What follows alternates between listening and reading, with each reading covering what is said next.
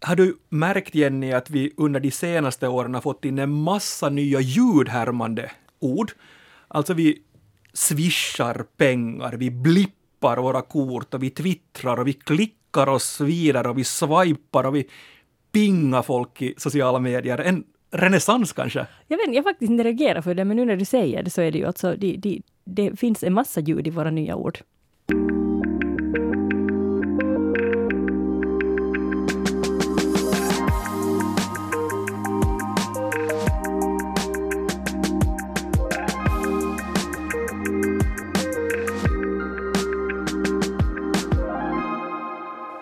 Näst sista ordet är här igen med mig, Jens Berg, och språkexperten Jenny Silvin. Hej!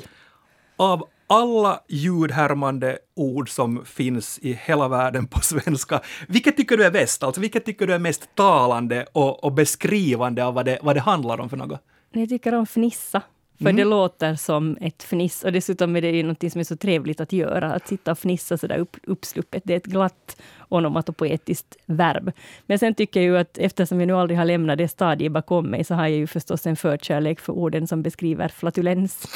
det vill säga... Tänk att jag gissade det! Prutt, fjärt och fis. Roliga ord. Mm. Jag tycker, jag har, jag har två favoriter. Ett är vina. För jag tycker att om, om vinden viner så så, så känns det sådär i kroppen, det viner. Och det andra är prassla. Det tycker jag är jättebra. Ja. Att man, man riktigt känner hur, hur, hur det också liksom prasslar på, på något sätt. Ja, just, just sådär med din, med din ansiktsmask. Det jag tänkte på, för du har ju småbarn, eller ni har småbarn hemma, och, och du har just gått igenom hela den här processen när de har lärt sig språk, lärt sig att tala. Använde dumerar då, eller använder du numera ljudhärmande ord när du har småbarn? Så där vet du att, att vovven, där är vovven, titta vovven. Ja, så där finns ju ja, Pippi och så där finns ju mycket i barnspråket. Men jag har aldrig riktigt gillat barnspråk, utan jag brukar använda alldeles vanliga ord med mina ungar eller barn i allmänhet. Men sen låter ju förstås barnens ordkreationer bli en del av familjens språk. Att när, när barn skapar egna ord och de är skojiga så blir de en del av familjens språk. Så här, så här i demokratins namn, de får också bidra. Men alltså ett ord som jag själv uppfann när jag barn, var barn är ordet duddla. Och det du? Duddla? Duddla, och det är ett onomatopoetiskt ord. Och jag kan tip, ge dig ett tips. Jag har ägnat mig åt det i morse. Jag har duddla idag. Kan du gissa vad det är för något? Duddla. Du har Duddla för mig så låter det när man har duba och man, och man talar med täppt näsa. Så, så duddla så är när du talar med en kraftig snuva. Ja, men när för jag är frisk. så jag har inte duddlat på det sättet. Men, men alltså att duddla är att röra ner kakaopulver i mjölk med ah, en sked. Just det, det duddlar ju faktiskt. Det duddlar. Det är ju jättebra. Ja, och det, det, jag fick skämma bort lite morgontrötta barn. Vi brukar inte dricka det till vardags, men idag fick de kakao, de fick varm choklad och kall choklad vad de ville ha i morse och jag. Dudla ner pulvret. Mm, onomatopoetiskt ord, dudla, och onomatopoetiskt är ju i sig ett ganska häftigt ord har funnits i svenskan sedan mitten av 1800-talet, men de flesta av de ljudhärmande orden är ju betydligt, betydligt äldre än, än så. Onomatopoetiskt från grekiskans onoma, namn och poeien, göra. Onomatopoetiskt betyder alltså att göra namn. Och det här är alltså någonting som de här grekiska filosoferna, bland annat Platon och Aristoteles, diskuterat hur, var, var kommer namnen ifrån? Just det här att, att där finns å ena sidan just det här direkt, det som vi idag menar med onomatopoetiska ord, alltså ljudhärmande ord. Men man antog också att man skapade ord därför att man försökte med ljud beskriva någon sorts inneboende karaktär hos till exempel en häst eller ett träd. Och, och det här kan... Man tycker på något sätt att, att, att ordet häst då på grekiska på något sätt skulle beskriva den inneboende karaktären hos djuret, okay. häst. Och, och sen förstås beroende på, jag vet ju inte vare sig häst eller träd är väl någonting med dendrot, eller dry, jag minns inte vilken det är. Uh, men, men ja, dry, dryo någonting tror jag. Och jag vet faktiskt inte riktigt i vilken utsträckning det nu låter särskilt trädlikt. Men vi kommer snart till det här mm. också, att, att olika onomatopoetiska ord, alltså olika ljud heter olika saker på olika Man tolkar de här ljuden ganska olika på olika yeah. språk. Men, men sen å andra sidan så finns det ju en viss sanning i det här också, för till exempel ta ett ord som bubbla. Så det låter ju nog som om det på något sätt beskriver det här Dels kan man ju nästan se det som ett onomatopoetiskt ord också, därför att bubblor sker ju där det finns liksom någon sorts porr, eller när, man, Mm. när någonting, någonting porlar. Tänk, föreställ att du blåser bubblor i vattnet, så kommer det ett sånt bubbelljud. Ja. Men också ordet ruta till exempel, så det är ganska så här hårt och fyrkantigt. Ja. Zigzag är ett annat sånt ord också. Ja, man riktigt hör det eller sådär. Man, Mm. Man känner. känner. Ja, Ja. känner jag. Men, men, sen, ja, sen, men det som är, men, olika ord be- beskriver, ja, behandlar ju de här onomatopoetiska orden på olika sätt. För att jag hade en gång förmånen att få besöka Grönland. Ja. Och där träffade jag ett, ett par ungdomar som berättade för mig om det som de trodde var grönländskans längsta ord. Ja. Och nu minns jag faktiskt inte vad det här ordet var. Men det var alltså definitivt onomatopoetiskt. Och grönländskan är ett agglutinerande språk, vilket betyder att man på grönländska, i likhet med till exempel finska, kan skapa jättelånga ord genom att Ja. lägga till flera led och, och, och ändelser. Och det här ordet betydde hon fortsatte falla ner för trappan. och det lät alltså någonting i stil med illinakkattakkappattattarat. Alltså lite just precis som när man faller ner för en trappa. Liksom, riktigt som de här lågstadieskämten. Se upp för stupet. Vilket stup! Aha. Det finns alltså massor av ljudhärmande ord i svenskan och i andra språk, grönländskan till exempel också. Men det här är ingenting i jämförelse med japanskan, för språkforskarna så säger att japanskan faktiskt parallellt med baskiskan har de flesta ljudhärmande orden eller då ideofonerna som vi ska komma till senare. Nästan 5000 och därför är vår gäst idag expert på japanska. Jätteroligt att ha dig här. Välkommen till näst sista ordet. Pontus Andersson. Tack så mycket, det är trevligt att vara här. Jag ska kort presentera dig. Du har studerat lingvistik vid universitetet i Lund och du valde sen att göra din magisterexamen i Japan och du undervisar idag i japanska här på Arbis i Helsingfors. Den första frågan och den kanske mest logiska, varför valde du, dig, varför valde du att intressera dig för Japan och japanska Pontus? Eh, för att jag studerade lingvistik vid Lunds universitet eh, 2005 och det var en vän till mig som ville studera japanska precis då där jag stod och velade mellan, jaha, vilket språk ska jag egentligen vara lingvist på då? Så blev, då blev det japanska lite så här på slentrian. Uh, sen så ja, åkte jag till Japan, gjorde utbytesår och uh, fastnade så att säga för japanska. Mm. Och sen var det kärleken som förde dig till Finland. Ja, precis till sist så, eller jag kom till Finland lite på avvägar och så stannade jag just på grund av kärleken. Jag har en eh, finsk sambo, bor i Vanda. Om vi börjar Pontus med det som är då de direkt ljudhärmande orden och så återkommer vi sen till det här som är liksom sets eller tillståndsbeskrivande. Hur, hur typiska ska du säga att de här onomatopoetiska orden är på japanska? De är väldigt typiska i talat språk. Det är givetvis så att de dyker inte upp i skriftspråk om man sitter och skriver en, sitter och skriver en så här lite träig, uh, träig avhandling så dyker de inte upp. Men de dyker upp i dagligt tal eh, väldigt frekvent. Ja.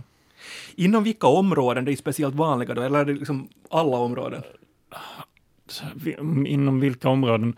Så hade det ju skillnad på de, de rent ljudhärmande och de setshärmande. De setshärmande dyker upp lite var som helst och ljudhärmande då dyker ju givetvis upp när det handlar om ljud. Uh, så till exempel, till exempel som jag tror vi talar om senare, eh, djurläten till exempel. Ja.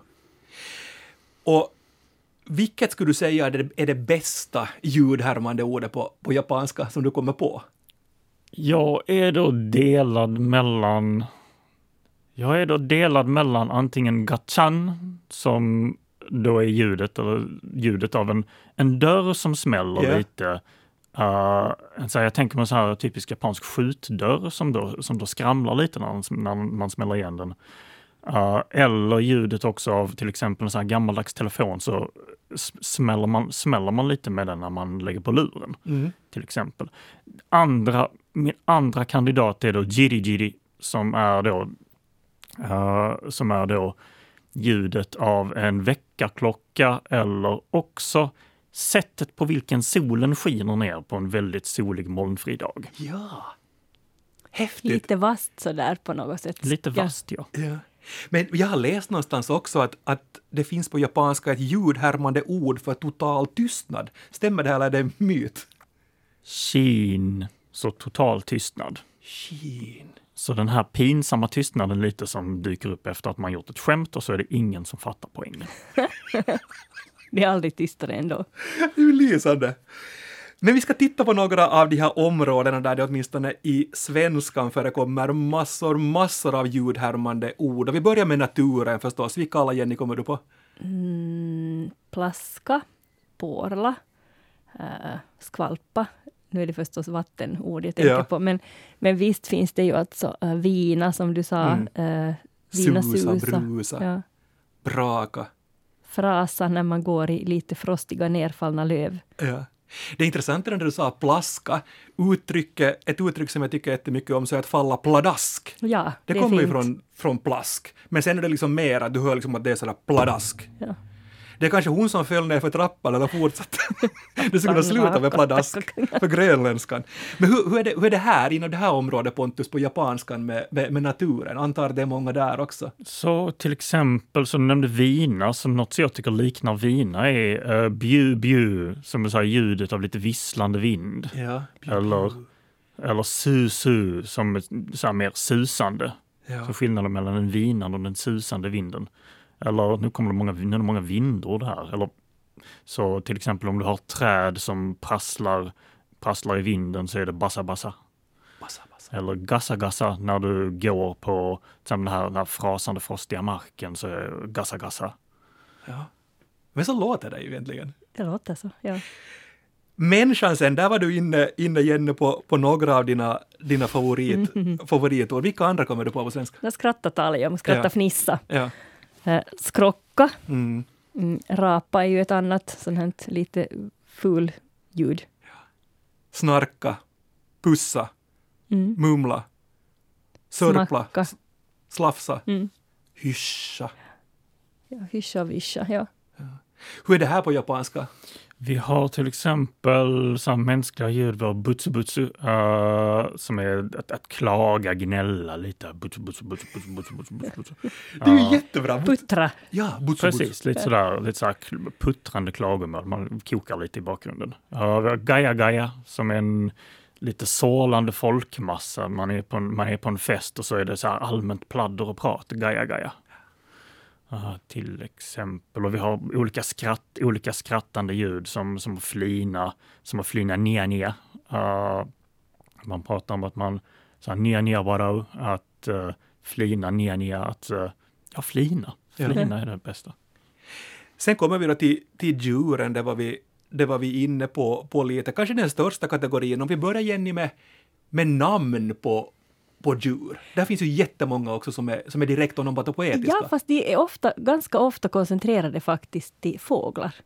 Korp, kråka, duva, som har det här lite uh, guttrande ljudet, uv, ja. och så vidare, skata. Eh, Men sen, sen finns det också jag, jag talade om det här hemma, vi talade om det här hemma i morse, jag försökte, försökte Mm. fråga min man om han kommer, på, Mm. kommer att tänka på Mm. något.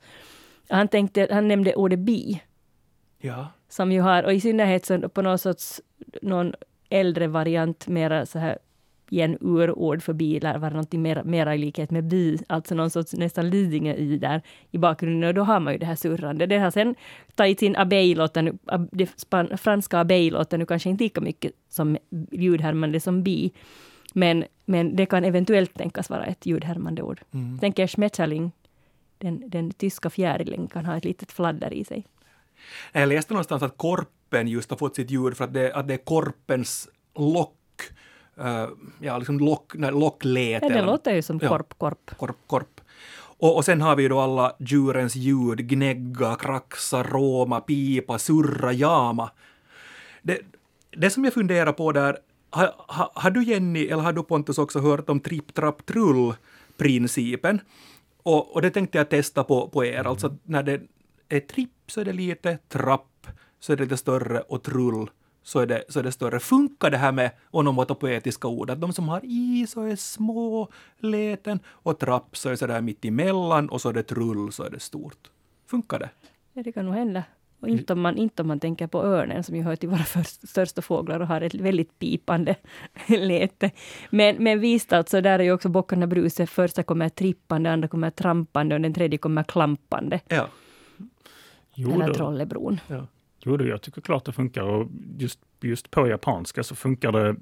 Den principen kan man nästan applicera till alla ord. Vi har till exempel små saker som rullar så är det kodo kodo, stora saker som rullar så är det godo. Så Mm. det blir ett, en icke-ljudande konsonant från, från en icke-ljudande konsonant till en ljudande konsonant.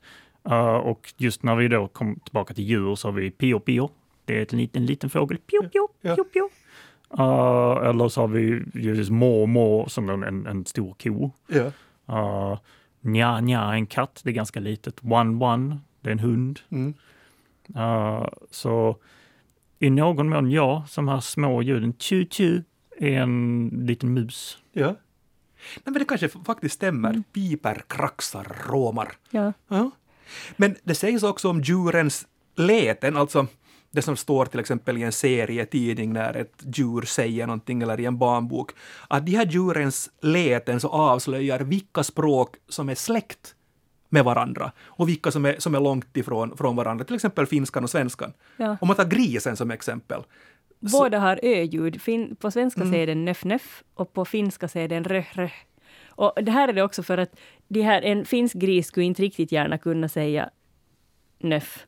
Därför att F inte ingår i finska ord Nej. annat än i lånord. Nej. Medan, i, medan en, en svensk gris definitivt inte skulle kunna säga röh därför att i standardsvenskan, i Sverigesvenskan, så kan, kan man inte ha ett ljudande H i slutet av en stavelse. Nej.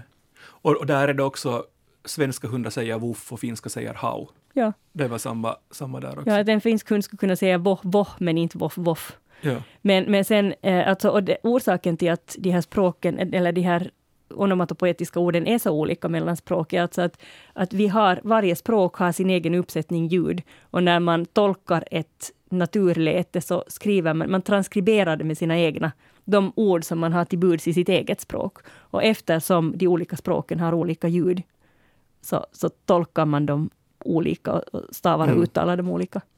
Om grisen är nu engelskan, tyskan och spanskan, oink, oink, franska, groin, groin.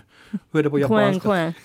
Där har vi bu bu som den, den vad ska vi säga, vanliga medelstora grisen. Sen har vi en, tillbaka till det här med mindre, mindre djur, så har vi buhi buhi som då är den lilla grisen. Men vad gulligt. Det låter söt. Bubu är vad spökena säger. en annan intressant sak är att jag har läst någonstans också att, att, att det lär inte finnas grisar på Färöarna.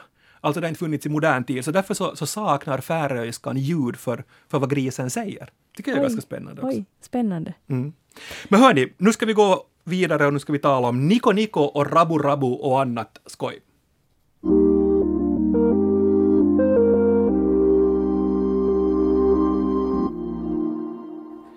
Det speciella med japanskan är alltså ord som på något sätt beskriver känslor eller handlingar med, med ljud. Och, på finspråk så heter det här ideofoner. Och de här härmar alltså då det som de ska beskriva på något sätt så det handlar kanske om intensitet, tillstånd, form, sätt. Det är alltså mer än ljud. Kan vara ljud, men det är mer än ljud. Och, och de, de liksom på något sätt triggar någon form av sinnesupplevelse hos, eh, hos oss när vi, när vi hör. Vi kan liksom lista ut vad det, vad det är för, för ord. Hur funkar alltså Pontus de här nu på, på japanska? Så det är då en uppsättning ord som, ja som du säger, eh, som beskriver, som beskriver eh, till exempel sinnesupplevelser eller som beskriver eh, som beskriver sätt. Mm. Så det finns då, de anses vara två kategorier på japanska. Vi har giongo som är då, betyder bokstavligen ljudhärmande ord, de vanliga onomatopoetiska orden. Medan vi har gitaigo som är de här uh, sättshärmande orden. Så det är en av de, de, som, de som uppmärksammar hör att det är en stavelse i de två termerna som skiljer sig. Så vi har till exempel som nämnde Nico Nico som är att, att le stort och brett. Ja. Uh, uh, hur skulle man beskriva det på svenska? Att le? Uh, ett- Alltså det finns ju bara små leende, det finns inte stor leende. Precis. Att, Brett Ett leende. riktigt glatt grin. Ja, Grina precis, betyder ett ju å ena sidan både le, men det betyder också gråta. Men borde man Precis. säga le-le då i så fall på svenska? Han Precis. Skina som en sol. Ja. Någonting, någonting sånt. Så ett, väldigt, ett riktigt stort leende sådär. Jag nämnde innan nia nia, det är lite så här, det är så här att småflina. Bara, Ja, ja. Men det är lite mer, lite mer vad flinar du för? Uh, och Nico Nico är så här, riktigt, jag har vunnit, jag har vunnit, lot, vunnit på lotteriet. Uh. Är det därför kameran heter Nikon? Oh, Det tror, jag kommer, det tror jag kommer från första stavelsen, tror det vara Nihon som då Japan och den andra Kon minns jag inte var den Ja. kommer ifrån. Men Ja, Från Nippon, ja. Lite precis, det är- lästort för kameran. Ja, det kan, det kan vara. Sen har jag också läst någonstans att vara, att vara kär har ett, har ett ord. Ah, ja, att vara kär eller vara så här också om då säger man det här om att man är, man är så väldigt gullig. Så man, ser, man har två kompisar som är nykära och som är då fullkomligt omöjliga att vistas i samma rum med, om ni förstår vad jag menar. Ah, så då säger man, säger man rabu rabu om dem. Det är lite sådär, de är lite så här kletigt nykära. Ah, och rabu rabu kommer då till och med, det här är lite ett undantag i kategorin, uh, så kommer från engelskans love. Som då med, om vi då för över det på mer, ett mer japanskt uttal så blir det rabu. Och så säger man rabu rabu. Man eh, säger det två gånger, så kallad reduplifikation. Ja. Så då, och då får man det här rabu rabu som då blir ett, ett, ett sättsadverb beskriver då, ja men då, då är man så fruktans, så fruktansvärt kär, så här turturduvor och eh, små hjärtformade bubblor som brister ur huvudet. Det är jättecoolt det där. Eh, det finns ju en del av de här ideofonerna på, på svenska också, då, som är mer än, än ljudhärmande. Bubbla, sa du Jenny, och jag sa zigzag. Huller om buller är ett sånt också. Det finns en rolig eh, travesti på uttrycket huller om buller. I Povel Ramel skriver i, i sången Titta, det, Titta vi flyger, blir det luftgropar och, och där flyger matens död. Allt far liksom hummer om bullar. Hummer om buller. Povel Ramel, men var inte Vänta, nu kanske jag har fel, men på tal om japanska, hade han inte den här Ja, Sukiyaki-låten visst ja, jo absolut. också? Det Om alla olika sorters sukiyaki som man kunde. Ja. Hux flux är, ett annat också som, som är ganska talande, eller vips. Vips, ja det gick i ett hui. Ja. Tingeltangel är ett, ett annat ord på, på svenska. Kräse på finlandssvenska. Mischmasch är väl också ett sånt som beskriver ganska bra vad det, vad det Det handlar kommer om. från tyskan, vet jag. Ja. Och rajtan tajtan är också, om man är ute på rajtan tajtan så vet man Hejsan hoppsan liksom. Karlsson på taket. Och kille, kille, kille, kill då man kittlar någon också. För beskriver inte ganska bra också Ja, av att liksom, man, ja, man, man vrider sig lite för att det kittlar. Eh, Du, du var inne på det där med, med, med, du har nämnt flera exempel på det här med reduplikation på japanska, alltså samma ord två gånger efter, efter varandra. I svenska är det här ganska ovanligt. Hej hej. Ja, för att jag försökte en kväll här fundera på, på de här, vilka, vilka som skulle kunna finnas. Fin, fint säger man. Mm. Ja, någonting fin, fint. Eller ett tuff, tuff tåg. Kommer. Putt putt båt, ja. Ja, putt, putt, båt, ja. ja. Och pang, pang, film. Det är nog kanske inte riktigt som man skriver i en akademisk avhandling heller. Jag talar ju malayiska och där, äh, där finns också reduplikation, men där kan man alltså snarare, och det är inte så där att, att om boku är bok så betyder ju inte boku boku typ massa bö- eller böcker i pluralis i allmänhet. Men om man säger att det ligger lite, det ligger boku boku på, bok, på bordet, så då kan det vara alltså några böcker. Ja. Eller det växer på ko, på ko utanför mitt träd, så då vet man att det liksom inte är ett, utan där är en liten klunga, en liten dunge. Ja. Dunka-dunka-musik finns. Och sen kan man väl säga, ja man säger väl, jag vet inte om det är ett officiellt ord, men nam-nam, någonting är nam-nam. Det, det är gott. Jag har också hört någon säga att det är gott gott. Ja. Ja. Gott eller gott gott, Ja. kan man också säga. Om det är riktigt men, ljuvligt. men hur är den här reduplikationen på japanskan annars? Används den överlag också förutom när det gäller den här kategorin av, av ord? Det finns just så liknande exempel som på malayiskan att man kan säga ki, som då är träd, och man, sen kigi, eh, om, fler, om flera träd, det är en, det är en dunge, eller watashi, jag, watashi tachi, uh, då är det bara en del av ordet som, har, eh, som man har dubblet, dubblat, eh, som då blir vi. Eh, och eh, men det är en väldigt, ett väldigt litet urval ord man gör det med. Det är en liten del av grundvokabuläret som det här dyker upp med. Ja. Men Det är ju inte en pluralform i, arm, i allmänhet i malayiskan, utan man använder det just för att säga att några Mm. stycken. Precis. Och kom- om vissa ord. Ja. Jag kom på ett till, till här och en reduplikation när, när jag sa här i inledningen att det på något sätt en, vi lever en renässans när det gäller ljudhärmande ord. Så jag kom på bling-bling. Alltså bling-bling som hiphoppare, Just det, rappare. ja, glitter. glitter, ja. Och, och jag, jag, jag läste, läste någonstans när jag började fundera på varför man säger bling-bling, att det lär vara det imaginära ljudet då ljus träffar en diamant. Föreställ er att det kommer det här ljuset på en diamant. Så Det det, bryts. ja, så är det sådär. Bling bling. Varför inte? Eller det låter helt trovärdigt. Ja. Exakt samma sak på japanska, kira kira. Och det är, sam, det är liksom... Det är också eh, det imaginära ljudet av ljudet av, precis som du säger, att, eh, av ljus som träffar någonting som glittrar. Ett lite klingande ljud.